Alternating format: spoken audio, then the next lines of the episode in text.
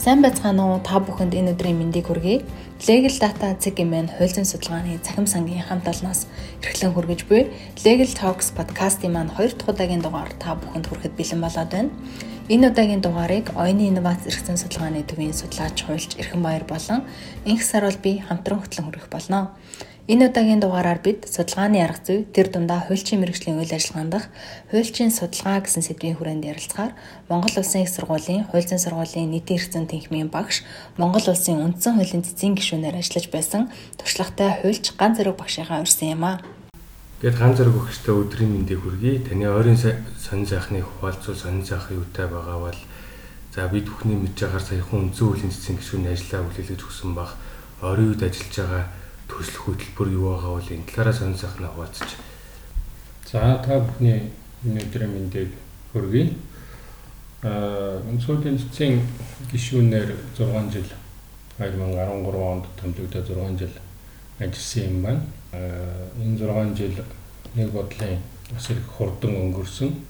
Нөгөө бодлын одоо маш их зүйлийг миний хувьд өглөө гэж ингэж бодож байгаа. За ажлаа хүлээлгэж өгснөөс хойш 6 сард хүлээлгэж өгсөн. Ажлаа хүлээлгэж өгсөн э, сургалтын ажлууд. Сургалтын ажил бол 100 цаг л тасрах юм. Бусад үед нь бол үргэлжлээд явах юм. Одоо үндсэн хуулийн хэрэглээ, захааны эрх зүйн захааны хууль тогтоомжийн хэрэглээ гэсэн нэг хичээл орж байгаа. Мөн одоо хуулийн кредитийн хичээл энэ маань бас явагдаж байна Түүнээс гадна судалгааны ажил нэлээд их хэмжээгээр байна. Тэр дотор захиргааны эрх зүйтэй холбоотой ийм судалгааны ажлууд байна. Бидний эхэлсэн нутгийн удирдлагатай холбоотой энэ судалгааны ажлууд нэлээд их хэмжээгээр явагдаж байна. Ялангуяа үндсэн хуулийн нэмэлт өөрчлөлттэй холбоотойгоор энэ асуудал ер нь тийм хайцангуй бага судлагдсан маш их маргаантай ийм зүйл болох нь тодорхой болсон. Тийм учраас энэ дээр тодорхой хэмжээгээр судалгаа хэрэгтэй байна гэдэг ийм зүйлийг бол хаа хаана ойлгосон. Тэгэхээр их хурлын үйл ажиллагаанд мониторинг гэдэг юм уу? Ер нь их хурлын тэр процессыг засгийн газар ерөнхийлөгчөөс их хурл руу оруулж байгаа энэ процессыг хинжөөдөг баян одоо эрэг сөрөг талаас нь хэмжээдэг ийм ажлыг ийм судалгааны ийм ажлыг хийх нь тийм нийгэмд их өрөөгөөжтэй болоо да гэсэн нэг юм бодолтой сууж байна өндлөнгийн хуулчин ажиглалт тэгээ судалгаа шинжилгээнийхээ үр дүн танилцуулах гэсэн ажил юм тийм ээ. За ингээд сэдвийнхээ үндсэн эхний асуултыг ер нь судалгааны арга зүй гэдэгт хуульч судлаач эзэмшүүл анхааруулж өгөх ямар зүйлийг та ойлгодог вэ? Судалгааны арга зүй бол олон ном төвхмөл байна. Тэгэхээр энэ бүхнийг хараад судлаад үзэхээр судалгааны зорилго зорилтоо тодорхойлох ёстой, ингэж ижлэл авах ёстой гэдэг юм уу иймэрхүү зүйлийг хэлээд байна уу эсвэл судлаач өөрөө гол энэ чадвар талаас нь энийг хэлээд юм судалгааны арга зүй гэхээр ер нь нэршлийн үед юу болгож хэлж байгаа юм. Тэгэхээр энэтэй холбоотой юу гэхээр энэ аливаа зүйлийг судлах чин хүсэл тийм ээ ийм зүйл бас тухайн судлаачид өөрт нь байх. Сая асууж байна ер нь судалгааны арга зүй гэдэг дотор яг юу орох юм бэ гэдэг. Тэгэхээр хуучин сонгодог ойлголт одоо зорилго зорилт гэдэг ингээд явах уу эсвэл ер нь хамгийн анхдагч нь тэр чин хүсэл байх уу гэдэг. Нэгэнд одоо энэ залуучууд маань өөрөө манай энэ өнөөдрийн нийгэмд энэ өөрчлөгдөж байгаа нийгэмд хүсэл тэмүүлэл нь нэлээд тийм өргөн далайцтай энэ болсон үедүүд энэ ялангуяа судалгаа хийх энэ ажлыг заавал хэн нэг хүнээр хилүүлэлтгүйгээр хийдэг. Тус бүр өөрөө өөрсдөө судалгаагаа судалгааныхаа ажлыг тодорхойлоод за энийг хийх ёстой. Ингэснээр ийм сайн сайн юмнууд гардаг юм а гэдэг энэ нэг чин хүсэл гэсэн нэг юм ойлголт байна л да. За манай хууч нарын онцлог байна. Манай хууч нар бол юу гэхээр нийгэм судалдаг хүмүүс. Тэгэхээр бидний судалгааны объект бол өөрөө юу аа гэхээр нийгэм нийгэм. Тэр дотроо юу аа гэхээр нийгмийн харилцаа байдаг. Жишээлбэл за нэг сумын төв ороод үзлээ гэхэд хамгийн түрүүнд судлах юм юу гэдэг вэ гэхээр сумын дэлгүүрийн гүйлгээ барааны эргэлт гүйлгээ за тэрийг яаж хийж байна. Тэгээ энийг хууль зүйн талаас нь судлах боломж байна л да. Хэдийгээр энэ магадгүй эдийн засгийн шинжтэй юм асуудал боловч хууль зүйн талаас нь судлахад Жишээлх юм бол магадгүй энэ дээр тэр сумын засаг захиргааны юу хийж вэ? Дэлгүүрээ бизнес хийхэд хэр дэмжиж байна ч гэдэг юм. За магадгүй одоо хөрөнгө оруулалт нь ямар байна ч гэдэг юм. Сумын төвд гэдэг. Ингээд судлахад бол нэлээх тийм өргөн тийм ойлголтууд бол байна л да. Тэгэхээр хууль хүний хувьд бол судалгааны гол объект бол өөрөө хүний өөрийнх нь амьдрал гэдэг нэг юм байнга ойлгож явах хэрэгтэй юм шиг. Бид техник судалдаг, бид амтан урмал судалдаг, бид биологийн шинжилгээний хүмүүс биш.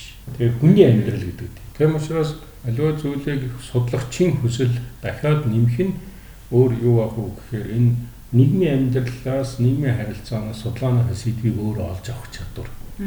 Тийм ээ. Одоо янз янзын нийгэмд өнөөдөр тулгамдсан асуудлууд байна.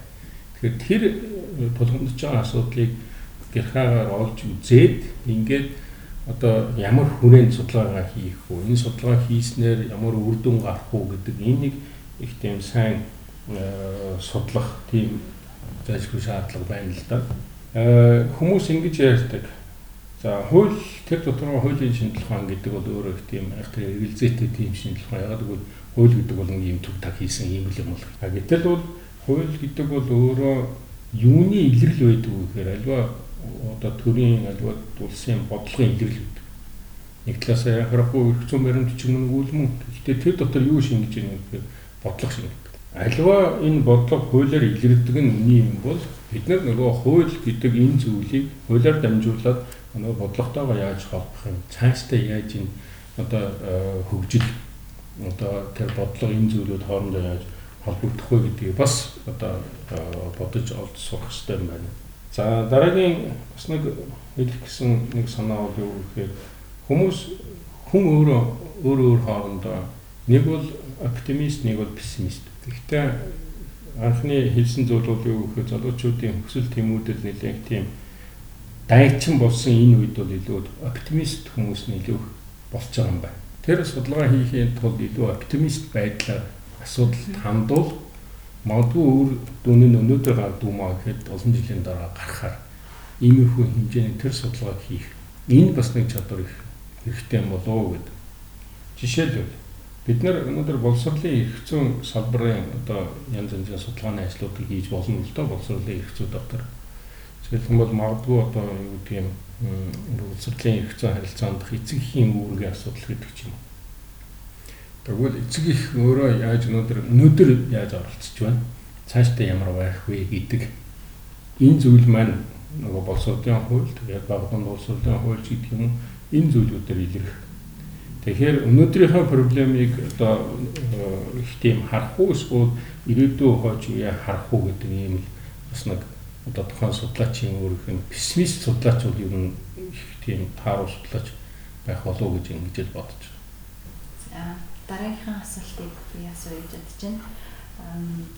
Миний бодлоор хуульчид ингээд судалгаа хийн, судалгааныхаа үр дүн бичгээр юм уу аман хэлбэрээр бусдад танилцуулах энэ процесс нь өөрөө хуульчийн бүтээлч үйл ажиллагаа. Түүний үр дүн нь бол уран бүтээлч одоо хүний уран бүтээлтэй адилхан зөвлөж болохоор юм шиг. Одоо нэг ном гаргасан мэлээ гэдэг бол уран бүтээл учраас үлээ үлдэцтэй, чанартай тийм байх ёстой гэдэг баг. Тэгэхээр та хэрвээ өмнөдөө санал нийлж байна уу? Хэрвээ тийм бол бас тийм уран бүтээл хийхин тулд одоо дуучин яран нарч хүмүүст онгод гэж байдагтай адилхан судалгааны бүтээл төрөхын тулд нэг тийм судалгааны онгод гэдэг зүйл байдаг болов уу? Нэгдүгürt хуульчийн одоо судалгааны үр бүтээл үр дүн тэр дотроо судлаачийн бүтээл одоо мэдээж одоо нэг сэдвт бүтээл эсвэл гарын авлага эсвэл бусад хэлбэрээр тайлан зөвлөмжүүд энэ бусад хэлбэрээр илэрч болно л доо. Хэлбэрийн хувьд. За тэрнээс гадна сая та бүхэнд хэлсэн юу гэхээр энэ эцсийн дүндээ бас энэ хуульд өөр шингэх тийм зүйл. Хуульд өөр санаа олох тэр байдал. Бидний нэг ийм судалгаан дээр тавигддаг одоо уламжилт ойлголтоор бол юу гэхээр онол практикийн ашиг бүтлэс нэг юм ойлголт байна л да. Онлынхаа судалгааг практик дээр яаж хэрхэн яаж одоо суулгаж авах вэ гэдэг ийм зүйл.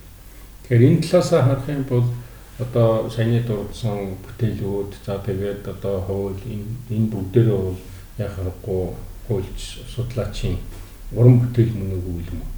За уран бүтээл альва уран бүтээл одоо урлагийн бүтээл гарахын тулд мэдээж тухайн хувь хүний өөрийнх нь яг нэг тэрүүхэн үед нэг бодсон эсвэл их олсон эсвэл моментыг яадаг нэг тэр нэг үе бас байна. За яг өөр дөрөв жишээ аваа.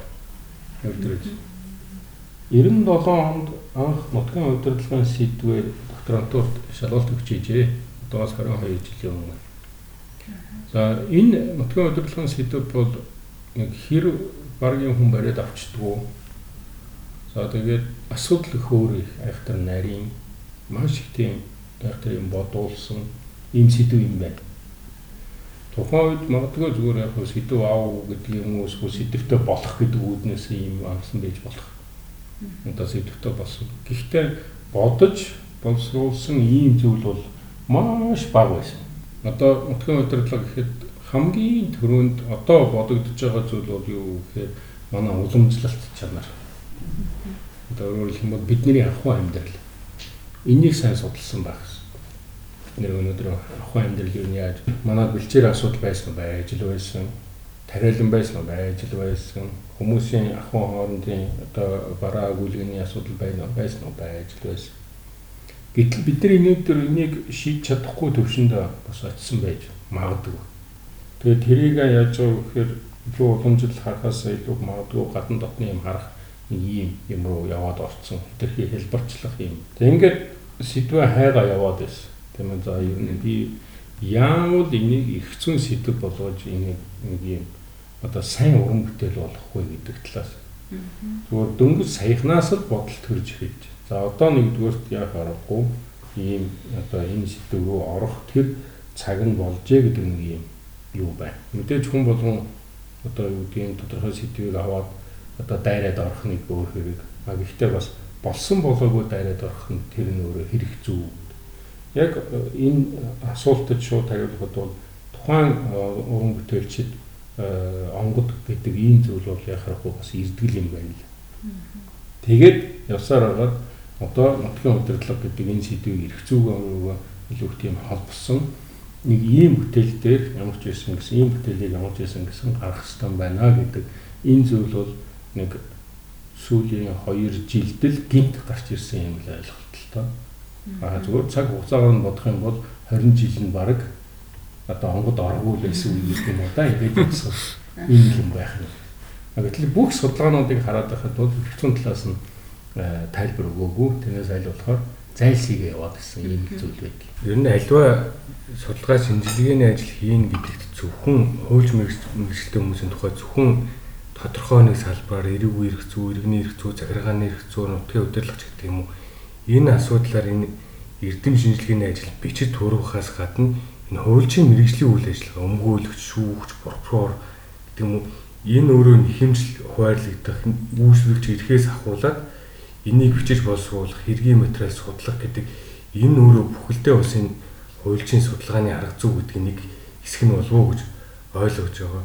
Та тэгэхээр бас туршлагатай хуульчийн өв цэцгийн гишүүнээр ажиллаж исэн, үний өвд өмгөөлөгчөөр ажиллаж исэн хүний хувьд залуу хуульч нарт ер нь хуульчийнхаа хувьд альва хэрэг маргаан дээр ажиллахдаа ямар арга зүй баримталдаг вэ? Энэ туршлагаас овалцвал. Өмгөөлөлтийн үйл ажиллагаа хийж исэн туршлага гэхээс илүү цэцгийн гишүүнээр ажиллаж исэн үеийн нэг кейсийг нэг тохиолдлыг та бүхэнд хэлээ. Энэ мадуу их тийм сурамжтай байж магадгүй. Яг л э, одоо цэцгийн дүгнэлтийг эргээд уншихад нэг судалгаа хайцангуу банк хийж өгдөө гэж бодогдоод Тэгэхээр хийцэн байсан бол гэж одоо бодогдоод. Тэгсэн бол магадгүй энэ зүйлд илүү их тийм сайн хариу өгөх байсан юм болоо да гэж. Өөрөлдөх юм бол альва шийдвэр гаргах, альва зүйлд одоо тайлбар үндэслэл гаргахын чинь хамгийн гол суурь нь өөрөө юм бэ гэсэн. Хамгийн гол суурь. Тийм учраас судалгаатай тохиолдолд бол өмгөөлөгч ч бай, прокурорч бай, шүүгч бай, зэн гишүүнч бай хэмж гисэн Э, одоо нийгэм хөлийн зөвшөөрөгдөх тийм зүйлийг хий. Нэрэл яхахгүй эн чинь ийм дээ гэдэг тийм байна. Энэ дэр нэг э, тохиолдлыг яриа. Хэрэг нь өөрөө манай одоо хувийн эрх зүйн асуудал юм шиг байна. Тэгэхээр юу гэхээр төлбөр төлөгч ба төлбөр авахч хоёрын хоорондын харилцааны асуудал. Тэгэхээр энэ бол яхахгүй одоо манай лавл захиргааны зүйдлээ байхгүй. Эрх зүйд ч гэсэн их айхтар шууд яригадаад байхгүй. Эрүүг эрх зүй бүр хөндлөн гэдэг юм байна. Тэгэхээр төлбөр төлөгч ба төлбөр авагч хоёрын хоорондын харилцаан дээр үүссэн нэг зүйл нь юу гэхээр төлбөр төлөгчөөс авч болохгүй төрөнгийн жагсаалт гэсэн тийм хуулийн зохицуулт байна л да. Одоо шүүхэн шийдвэр үүсгэлийн хуулийн дээр тийм заалт. Тэгээд нэг манай одоо ичнэ ангийг төгссөн нэг оюутан айхтар гэрхаа хараад нэг ийм проблем байгаа юм байна гэдээ манай өнцөлийн цэцэд мэдээлэл гаргасан юм байна. Тэгэхээр тухайн үед бол яг мэдээлэл үү өргөлөө гэдэг тэрийг бид нар зориуд хуралдаан дээр асуусан л да энэ яг үнэхээр болсон явдал уу эсвэл зүгээр нэг абстрактаар бодсон идүү гэдэг тийм Ингээд төлбөр төлөгчөөс авч болохгүй төрөнгийн жагсаалт гэдэг дотор юу байсан бэ гэхээр төлбөр төлөгчийн гэр бүлийн гишүүний нэг улирлын нэг ээлжийн хувцас гэж нэг юм томьёол. Өөрөөр бол дөрвөн улиралтай гэж бодоход дөрвөн хувцас байх нь байна. Тэгээд дөрвөөс илүүнүүд нь хураагдаж болохоор тийм хэмжээний тийм заалт. Ингээд Өнцөлийн цэцтэр маргаан үүссэн энэ маргааныг шалгах ажил. Тэгэхээр эн чинь бол цоо шин сэдв. За яг одоо энэ дээр ямар асуудлыг яах вэ жоохон ямар аргаар энэ проблемыг судлах вэ? Одоо нэг арга гэдэг ойлголт маань гарч ирж байна л да. Тэгээ энийг тэр манай оюутан маань үндсэн хуулийн ямар зүйлтэй холбосон бэ гэхээр гэм буруутны ял зэмлэлийг түүний гэр бүлийн гишүүдэд халдааж хэрэглэхийг хориглоно гэсэн зарчимтай холбосон. Зарчимтай Энэ бол зөвхөн хуулийн заалт гэхээс илүү зарчим байна. За энэ дээр одоо судалгаа хийгээд хийхэд хамгийн түрүүний асуудал бол юу байсан бэ гэхээр ер нь яагаад энэ зарчим манай шинэ 92 оны үндсэн хуульд орсон бэ гэдэг. Өөрөөр хэлбэл түүхчсэн судалгаа хийх шаардлагатай болсон. Тэгээ энийг бол бид нар бол бас дутуу хийсэн бололтой. Одоо уншихад. Өөрөөр хэлбэл бид нар 24 оны үндсэн хууль, 40 оны үндсэн хууль, 60 оны үндсэн хууль гэдэг гурван үндсэн хуулиар харьцуулаад үзэхэд тэнд энэ санаа байсан уу байгаагүй юу ер нь яагаад гараад ирсэн. Энэ Монголын түүхэнд энэ заалт ер нь гарч ирснээр хэр ихтэй хэрэгтэй идэв хэр ихтэй эерэг идэв гэдэг тийм. Тэгэхээр энэ талаас харах тийм. Тэгэхээр энэ дээр бол тухайн маргааныг шийдвэрлэхэд харцангуй баг судалжтэй гэж. Альва хэрэг маргааныг шийдвэрлэх гэж байгаа өнгөөлөгч одоо шийдвэрлүүлэх гэж байгаа одоо бусад хүмүүс хуульчнаа судлахдаа магадгүй яг тухайн кейсээс шалтгаалаад энэ аргыг хэрэглэх үү хэрэглэхгүй гэдэг. Өөрөөр хэлбэл бид нар хуулийн тодорхой зүйл заалтыг ярихаасаа гадна хуулийн философиг ярих. Энэ хуулийн энэ заалтын цаана юу байсан юм бэ? Цаа дагуулга нь цаа дагуулга нь юу юм бэ? Сүүдэд бас нэг нэлээд түгээмэл болж. Бас тэр их дэмжүүштэй юу гэхээр хуулийн хувийн хэргийг нийтэлдэг болж ном болгож. Тэр өөрөөр хэлбэл хүн тухайн үед газрын хуулийг 94 онд батлахдаа юу гэж бодож одоо яаж исэн юм бэ? Одоо яагаад заавал энийг дүүргэн засаг дарга энийг олгодог байсан? Нийслэлийн засаг дарга биш ч гэдэг юм. Өөрөөр хэлбэл юмыг бүр цаад суураар нь ойлгохын тулд хамгийн түрүүнд нэг хийчих бол энэ байсан байж магадгүй. Тэгэхээр чичийн гишүүн байхад бол энэ дээр нэлээд тийм дутуу харсан, дутуу судалсан гэдэг юм. Тийм юм бий. Хоёрдугаар юу гэхээр энэ одоо зарчим маань дэлхийн нийтэд яаж яваад Өөрөөр хэлбэл одоо энэ бол юу гэхээр харьцуулсан судал. Яг энэ талаар бол нэг солонгосын шүүгчтэй санаа солилцож үзсэн. Манад нэг юм заалт байдаг юм би нэг юм кейсийг шийдэх гэж байгаа юм. Тэгээд танад ямар байдаг энэ зарчим?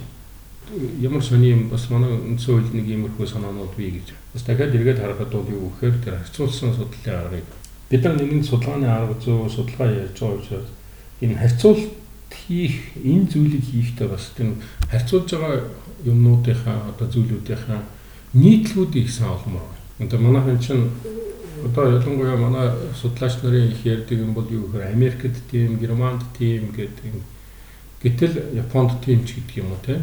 Америкийн амьдралын тэр зан хэв маяг их өөр. Германых их өөр. Тэгээ бид нар их тийм өнгөцгөн тайлбарлаад байгаа. Жишээ нь Герман бол холбооны улс гэдэг юм төрийн байгууламжийн хувьд яриад байдаг болохоос ер нь Герман хүний альва юмд хандаж байгаа хандлага Монгол хүн ямар Монгол менталитет ямар байх вэ? Түрүүн та бүхэнд хэлсэн юу гэсэн бэ гэхээр бид нар чинь Монгол хүнээ судалж. Тийм учраас бидний цөм бол өөрөө тэр байх нь байна. Тэгэхээр аливаа асуудалд хандахдаа за одоо анхны шүүхийн шийдвэр гарсны дараа энийг дав заалдах уу, заалдахгүй юу? Жишээлх юм бол барууны нийгэм бол бүх хэрэгүүдээ анхны дээр асар сайн шийддэг бол жишээ. Манайд бол арай өөр байх жишээ манад одоо ягаад ч юм буруугаа энэ буруугаа хүлээн зөвшөөрөх тэр байдал арай өөрөөр байгаад байгаа чинь. Гэх мэтлэнгийн энэ судалгаан дээр энэ харьцуултыг хийхдээ хинтээ яаж харьцуулж өгнө гэдгийг сайн бодох. Хинтээ яаж тухайн нөхцөл нь таарч байна уу? Тийм, тухайн нөхцөл нь таарч байна уу? Тийм ээ. Тэгээд онцлог нь юу вэ? Онцлог нь юу вэ гэдэг ийм нэг зүйл байна. Магадгүй яг энэ одоо ингийн буруутны одоо юг ял зэмлэлийг гэрүүлийн гишүүдэд хэрэглэхийг хязгаарлана гэдэг энэ зарчим гадна дотны орнуудад бас ямар байна вэ гэдэг энийг судлаа. Энэ ярианы ихэнд та бүхэнд хэлсэн эн чинь юусэн явж явж аль их хэцүү вэ гэдэг. За лаул эрүүгээр хэцүү, иргэний хэцүү, захааны хэцүү гэдэг ингээ хуваарлахад дүн шинжилгээ хийх. Ялангуяа тийм ээ эн чинь яаж холбогдох вэ? Ялангуяа томьёолол талаас харах юм бол гэм буруутан, ял зэмлэл, тэгээ төлбөр төлөгч, авахч гэдэг ингээд кейстэйгээ холбохлоор аль их хэцүү намайг ажааханда даалгавар өгчээсэн л да энэ эрх зүйн бүх юмнуудыг үзээд номнуудыг үзээд аль эрх зүйдэр энэ асуудлуудад хөндөөгдсөн байна. Тэгэхээр иргэний эрх зүйдэр байна гэж хэлж байгаа. Яг л тэр чинь шууд төлбөр төл. А тэрнээс гадна эрүүгийн эрх зүйн онцлог номон дээр таарч. Тэр сурах бичиг юмнууд дээр таарч байгаа гэдэг чинь бас нэг тийм судлах хүн болсон байна гэдэг. Ингээд тал талаас нь харах тийм. За тэгээд төгсгөлд нь энэ дээр судлахад ялангуяа бидний одоо хуульч хүний э, бусад хүмүүсээс их сайн одоо ялгагдах чанар бол юу гэхээр энэ хуулийг тайлбарлах. Одоо хуулийн зүйл заалт нь юуг илэрхийлж байгаа юм бэ гэдэг тийм. Одоо манай нараа огшин тайлбар талууд дээрч байна. Одоо төлжингийн баярсан багшийн номон дээрч байж л байна. Өгзөн хувьд яаж тайлбарлах юм? Хэлбэн хэлцэн хувьд яаж тайлбарлах юм? Логикийн хувьд яаж тайлбарлах юм? Энэ аргуудыг бас ямар нэг хэмжээгээр одоо хэрэглэх хэрэгтэй байж дээ л гэж. Дахиад хэлэхэд гим буруутны ял зэмэл гэдэг энэ нэр томьёо өөрөө их ховор нэр томьёо. За одоо энийг хэдүүлээ одоогийн үндсэн хуулийн нэмэлт өөрчлөлттэй асуудалтай холбож нэг тайлбарлах гэж оролдъё л доо. Тийм ээ. Одоо судлах гэж оролдъё гэж. Тэгэхээр манай хуульчнаар хоёр хуваагдаад одоо маргаж. Юу гэж маргаж байна вэ гэхээр ерөнхийлөгч шүүгчийг томилдог нь зөв буруу ерөнхийлөгч өгчийг томилдог зүг буруу гэдэл одоо мэтгэлцээд ингээд. За гэхдээ ерөнхийлөгч томилдог зүг буруу гэдгээс илүү их томилсны дараа нөлөөлөл энэ тэргээ тэгээд шүүхийн ерөнхий зөвлөх. Тэгэхээр мэдээж энэ чинь хүн болгон тодорхой хэмжээгээр судалгаа хийсэн л байж таа. Яг энэ асуудлаар. Жишээлх юм бол саяны хэлсэн түүхийн харьцуулсан бэлзүү одоо өөр юу юм тийм энэ бүх судалгаанууд хийсэн гэж бодъё л да. Гэхдээ хамгийн хэрэгэлзээ төрүүлж байгаа юм сайн одоо надад бодогдож байгаа юм юу гэхээр нэмэлт өөрчлөлтөөр ерөнхийлөгч батламжлан гэдэг энэ нэр томьёо орж ирж байна. Тэгвэл батламжлан гэдэг нэр томьёоны утга өөрөө юу юм бэ гэдгийг хуульчнаар л тайлбарлана. Тийм ээ хуульчин. Тэгэхээр батламжлан гэдгийг бид нар их олгосон хэм хэмжээ гэдэг утгаар тайлбарлах гэж байна уу? Эсвэл өөрөө олгосон хэм хэмжээ гэдэг утгаар тайлбарлах гэж байна уу гэдэг дээр л дахиад нэг талтаа магадгүй хэлцэн судалгаа хийх тэр батламжлах гэдэг үгийнх нь утга мөн чанар нь юу илэрхийлдэг юм гэдэг тэр судалгаануудыг хийх эргээд энэ маань их зүйн шинжилгээ ухаанд хууль зүйн шинжилгээ ухаанд ингэж ойлгогдох юм байна. Өмгөөлөгч, прокурор, одоо шүүгч гэлтгүүгээр ер нь альва үндэслэлтэй шийдвэр гаргадаа л гэж бодвол энэ их олон аргуудыг хэрэглээд цогц байдлаар шийдвэрлэх юм бол одоо өнөөдөр нэг яриад байдаг энэ олон одоо эргэж ботсон шийдвэрүүд гарах нь их бага юм болоо л гэж байна. Би сая таны ярианаас хамгийн гол дахиж нэг ойлгож байгаа нь бол хуульч хүн үйл ажиллагаанд маш нухацтай байх хэрэгтэй юм байна. Одоо энэ таны дурдсан аргуудыг чсэн хүнийг аргыг юм эсвэл хоёр аргыг нь шал болох болж өгвөл бүх аргыг нь цагт байдлаар хэрэглэх хэрэгтэй байна. Харьцуул судлалтаа ч гэсэн одоо наад захын гар таарсан ч юм уу хамгийн боломжтой гэж үзсэн улсаа биш. Тэр улсаа сонгохдоо их хур байх хэрэгтэй байна гэж ихэл нухацтай хандах хэрэгтэй байна гэдгийг дахин ойлгож байна л да. Тэгэхээр судалгааны ажлыг ажил өөрөө тэгээд ийм их цаг зав авдаг. Ялангуяа энэ бүх судалгааны ажлаа цогц байдлаар арга зүйн олон арга барилыг хэрэглээд ашиглаад ингээ явахаар нэлээд их цаг зав гардаг баг. Ялангуяа хуульч нарын хувьд гэх юм бол дандаа нэг үндсэн ажлынхаа хажуугаар өөрийнхөө судалгааны сэдвийн хүрээнд судалгааны ажил судалдаг, туурвдаг тийм байгаа. Тэгэхээр энэ дээр холбогдоод судалгааны ажлын цагийн менежмент гэсэн юм бас гарах байх л та. Бас нэг ажлынхаа хажуугаар босон сон ч юм уу ганц за 30 минутын дотор ингээм юм хийхээр гараас нь нэг сан гарахгүй ч юм уу. Ямар нэг өдөр энэ цагийн менежментийн танд бас зөвлөгөө нууц байна уу? Тэрнээсээ хаваалцаач. Ер нь нэлээд тийм далаачтай судалгаа одоо юу гэдгийг диссертацийн хэмжээнд гэдэг юм уу эсвэл номын хэмжээнд гэдэг юм уу ийм судалгаа хийхэд бол босон сум хийн гэж бол байхгүй л дээ. Энд бүр нэлээд сайн одоо цаг заваад зориулж нэлээд сайн хийх тийм юм. Гэтэ яг энэ дээр бол түрүүн ахтар асуултаас ус ийм нэг онгод байдаг тэр юу. Тэгэхээр юм хүн тодорхой хэмжээнд за би ер нь энэ сэдвээр юм хэлэх дайны болчлоо гэдэг ерөнхий өөрийнхөө бааз суурийг ойлгох хэрэгтэй юм шиг. За би ер нь одоо яг энэгээр нэг юм. За нэг юм. А энэ бол илүү их тийм одоо сувь судалгааны хувьд дэлхүү яригдах юм зүйл. А зүгээр тодорхой хэрэг маргаан дээр бол босон сон их тийм судалгаанууд бол байна л та. Яг тэгвэл тэр чинь хэрэг маргааны шийдвэрлэх хугацаа өөрөө богинохон байгаа жишээ. Тийм учраас маш их яралтай. Тэгээ энийг бол хизээч одоо суур судалгаа гэж хэлэхгүй. Тийм учраас цагийн менежмент гэхээс илүү ер нь бол тийм одоо шинжлэх ухааны магистрийн төвшингийн докторийн төвшингийн ийм одоо судалгаа хийхийн тулд ерөөсөө 100% за 100% байдаг юм аа гэхэд нэг 95% энэ ажилд шууд цагаа зарцуулах хэрэгтэй болчихсон. Тийм шууд төвлөрөх хэрэгтэй. Өөрөөр хэлэх юм бол өөр юмд анхаарад ингээд одоо хажуугаар нь хийн гэдэг энэ ойлголт бол байхгүй л да. За бид хэдийн үндсэн сэтгэвтэйгээ холбоотой асуултууд энэ хүрээд дуусчих шиг байна.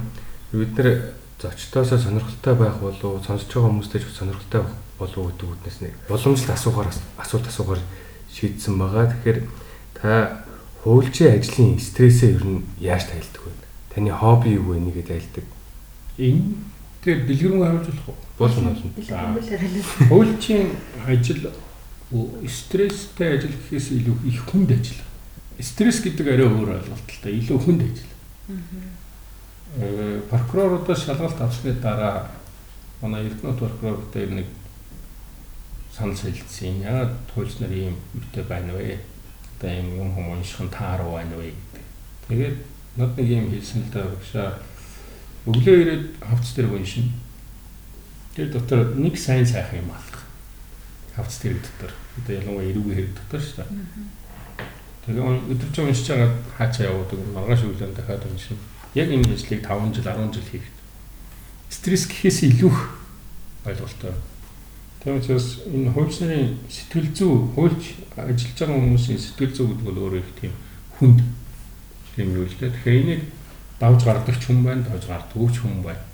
Тийм тэгэхээр харин яг энэ тохиолдолд бол нөгөө стресс гэдэг юм маань гарч ирдэг болов. А зүгээр миний хувьд бол илүү хоёр зүйлийг хийдэг л дээ.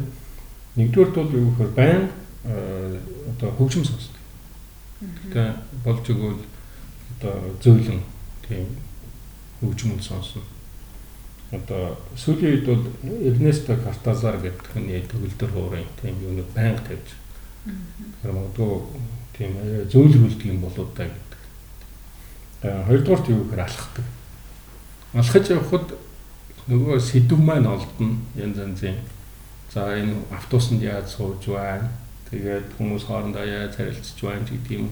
Замын хөдөлгөөнд яаж оролцож байна гэдэг юм уу тийм. Тэгээд ийм юунууд их Тэгэхээр өөрөөр хэлбэл алхахтаа их олон нөгөө бодож байгаа юмудаа даруулаад ингээд явдаг юм л байна л та ийм арга гэдэг юм уу та. Аа манай уламжлалт болгож юм асуу гэж гурван асуулт байгаа. Хоёрдугаар асуулт нь та яг одоо ямар чиглэлээ ямар ном уншиж байгаа вэ? Ягаад тэр номыг сонгож бас эхлүүлсэн байгаа вэ? За ном уншихад бас их учир байна.